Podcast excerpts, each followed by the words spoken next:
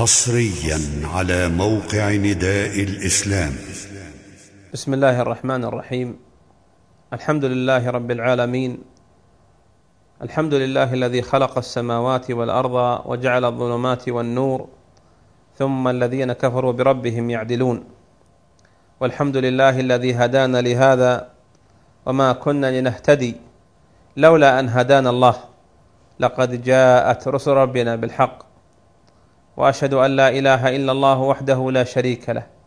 وأشهد أن نبينا محمدا عبده ورسوله. اللهم صل وسلم عليه وعلى آله وأصحابه ومن سار على نهجه واقتفى أثرهم وأحبهم وذب عنهم إلى يوم الدين وسلم تسليما كثيرا. أما بعد أيها المسلمون في كل مكان معاشر الصائمين والصائمات نحييكم جميعا بتحية الإسلام الطيبات المباركات تحية المؤمنين والمؤمنات تحية ملائكة الله لعباده وأصفيائه تحية أهل الإيمان يوم يدخلون الجنة فيلقون الله جل وعلا فيها تحيتهم يوم يلقونه سلام فالسلام عليكم ورحمة الله وبركاته. أيها الصائمون أيتها الصائمات إن من أخطائنا الشهيرة التي يجب أن ننتبه لها ونتواصى بتركها والتحذير منها خطأ يقع فيه الكثيرون في تقديم السحور إلى نصف الليل وربما بعضهم يصوم ولا يتسحر. والنبي عليه الصلاة والسلام أرشدنا إلى السحور وبين لنا فضله ورغبنا فيه وحذرنا من من تركه. فجاء عنه عليه الصلاة والسلام قوله فرق ما بين صيامنا وصيام من قبلنا أكلة السحر. نعم إن الفاصل والفارق بين صيام هذه الأمة وصيام من قبلها من الأمم السابقة هي في أكلة السحور. فمن تسحر وافق صيامه صيام هذه الأمة الذي شرعه لها نبينا محمد صلى الله عليه وسلم. ومن لم يتسحر كان صيامه مشابها لصيام من قبلنا وقد نهينا عن التشبه بهم. فقد روى الإمام أبو داود بإسناد صحيح من حديث جابر رضي الله تعالى عنه أن النبي صلى الله عليه وسلم قال من تشبه بقوم فهو منهم وكانت سنته عليه الصلاة والسلام مضطردة متواترة في تأخير السحور. نجد بعض الناس من الصائمين والصائمات لا سيما في ليالي الشتاء يقدم السحور إلى نصف الليل أو إلى ما قبله بقليل أو بعده بقليل. ثم إذا أكل وملأ بطنه من هذا الطعام المباح ثقل عن صلاة الفجر وربما لم يقم إلا بعد الظهر. وربما وجدنا من الناس من يدعو الناس إلى وليمة السحور ثم يقدمها لهم في الساعة الثانية عشرة ليلا أو الساعة الواحدة بعد منتصف الليل. أي قبل صلاة الفجر بنحو أربع إلى خمس ساعات. وهذا يا أيها الفضلاء ويا أيها المسلمون والمسلمات خلاف سنة النبي صلى الله عليه وسلم الذي قال لا تزال أمتي بخير ما قدموا الفطر وأخروا السحور. إذا من أخر الفطر أو قدم السحور فإنه وقع في عدم الخيرية وقع في غير الخيرية. ولقد سأل أنس بن مالك زيد بن ثابت رضي الله عنهما عن سحور النبي صلى الله عليه وسلم. قال زيد كنا كان بين سحورنا وصلاتنا مع رسول الله صلى الله عليه وسلم قدر قراءة خمسين آية.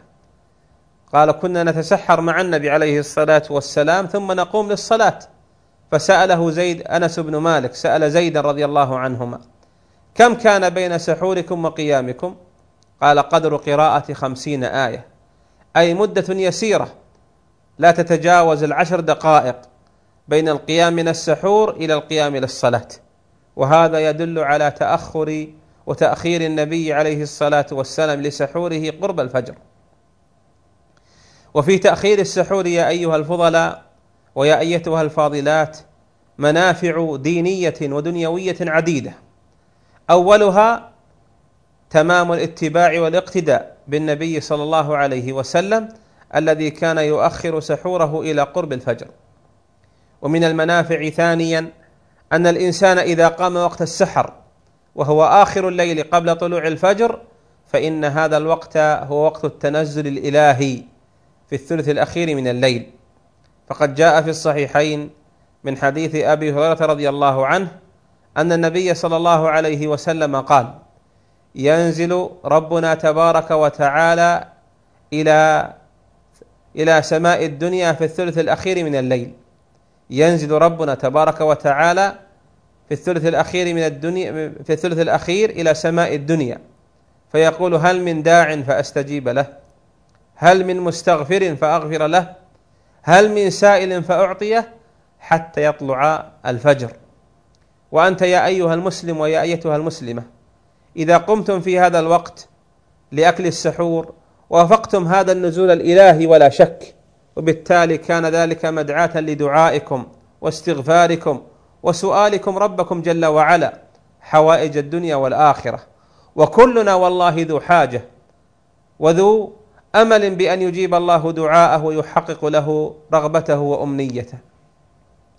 المنفعة الثالثة في القيام للسحور أن وقت السحر يستحب فيه الاستغفار كما وصف الله جل وعلا المؤمنين الخاشعين المفلحين فقال جل وعلا في وصفهم وبالأسحار هم يستغفر والمستغفر وقال تعالى في وصفهم والمستغفرين بالأسحار. أي في آخر الليل قبل طلوع الفجر. وكان عبد الله بن عمر رضي الله تعالى عنهما كان إذا قام من الليل وبقي على الفجر قدر يسير جلس في مصلاه لم يشتغل لا بصلاة ولا بسجود ولا بركوع وإنما يشتغل بالإستغفار. لماذا؟ يتلمس أن يدخل في هؤلاء الذين زكاهم الله جل وعلا وأثنى عليهم أنهم مستغفرين بالأسحار. فيقول أستغفر الله أستغفر الله. فمن وقام لسحوره في هذا الوقت أدرك وقت السحر وأدرك فضيلة الاستغفار فيه. الفائدة الرابعة أن من تسحر في آخر الليل قبل الفجر استطاع أن يتحمل صيام النهار وإن طال. وهذه الأيام يكون الصيام في شدة الحر وفي وقت الحر الذي يطول فيه النهار وربما يشتد فيه الحر فمن أخر سحوره إلى قرب الفجر أعانه تأخير السحور على تحمل شدة الحر وطول النهار بصبره عن الطعام والشراب إلى غروب الشمس. الفائدة الخامسة لتأخير السحور أن من قام وتسحر في آخر الليل أدرك صلاة الصبح في وقتها مع الجماعة وهو نشيط وهو قوي وهو صاح من نومه لأنه أكل بعدما قام من نومه. والسنة في السحور أن يكون في أي أكلة لقوله عليه الصلاة والسلام فرق ما بين صيامنا وصيام من قبلنا أكلة السحر ولهذا الاكله لو حبه تمره ولو شيئا يسيرا ولو أن يشرب كاسا من ماء أو يشرب قدحا من لبن فإنه بذلك يكون قد تسحر أي طعم في وقت السحور فيوافق بذلك سنة النبي عليه الصلاة والسلام. وينشط على صيامه ويتحمل طول نهاره وشدة حره ويخالف صيام من قبلنا ويدرك هذا الوقت الفاضل فيكون بذلك قد حصل عدة منافع دنيوية وأخروية. لا حرمنا الله وإياكم فضله ولا أجره ولا ثوابه وجعلنا ممن يحسن الاقتداء والاتباع لسنة النبي صلى الله عليه وسلم حتى يلقاه عليها وحتى نكون واياكم ممن ورد حوضه وممن نال شفاعته وممن حشر في زمرته وممن كان النبي قائده إلى الجنان وإلى الفردوس الأعلى. لا حرمنا الله وإياكم ذلك.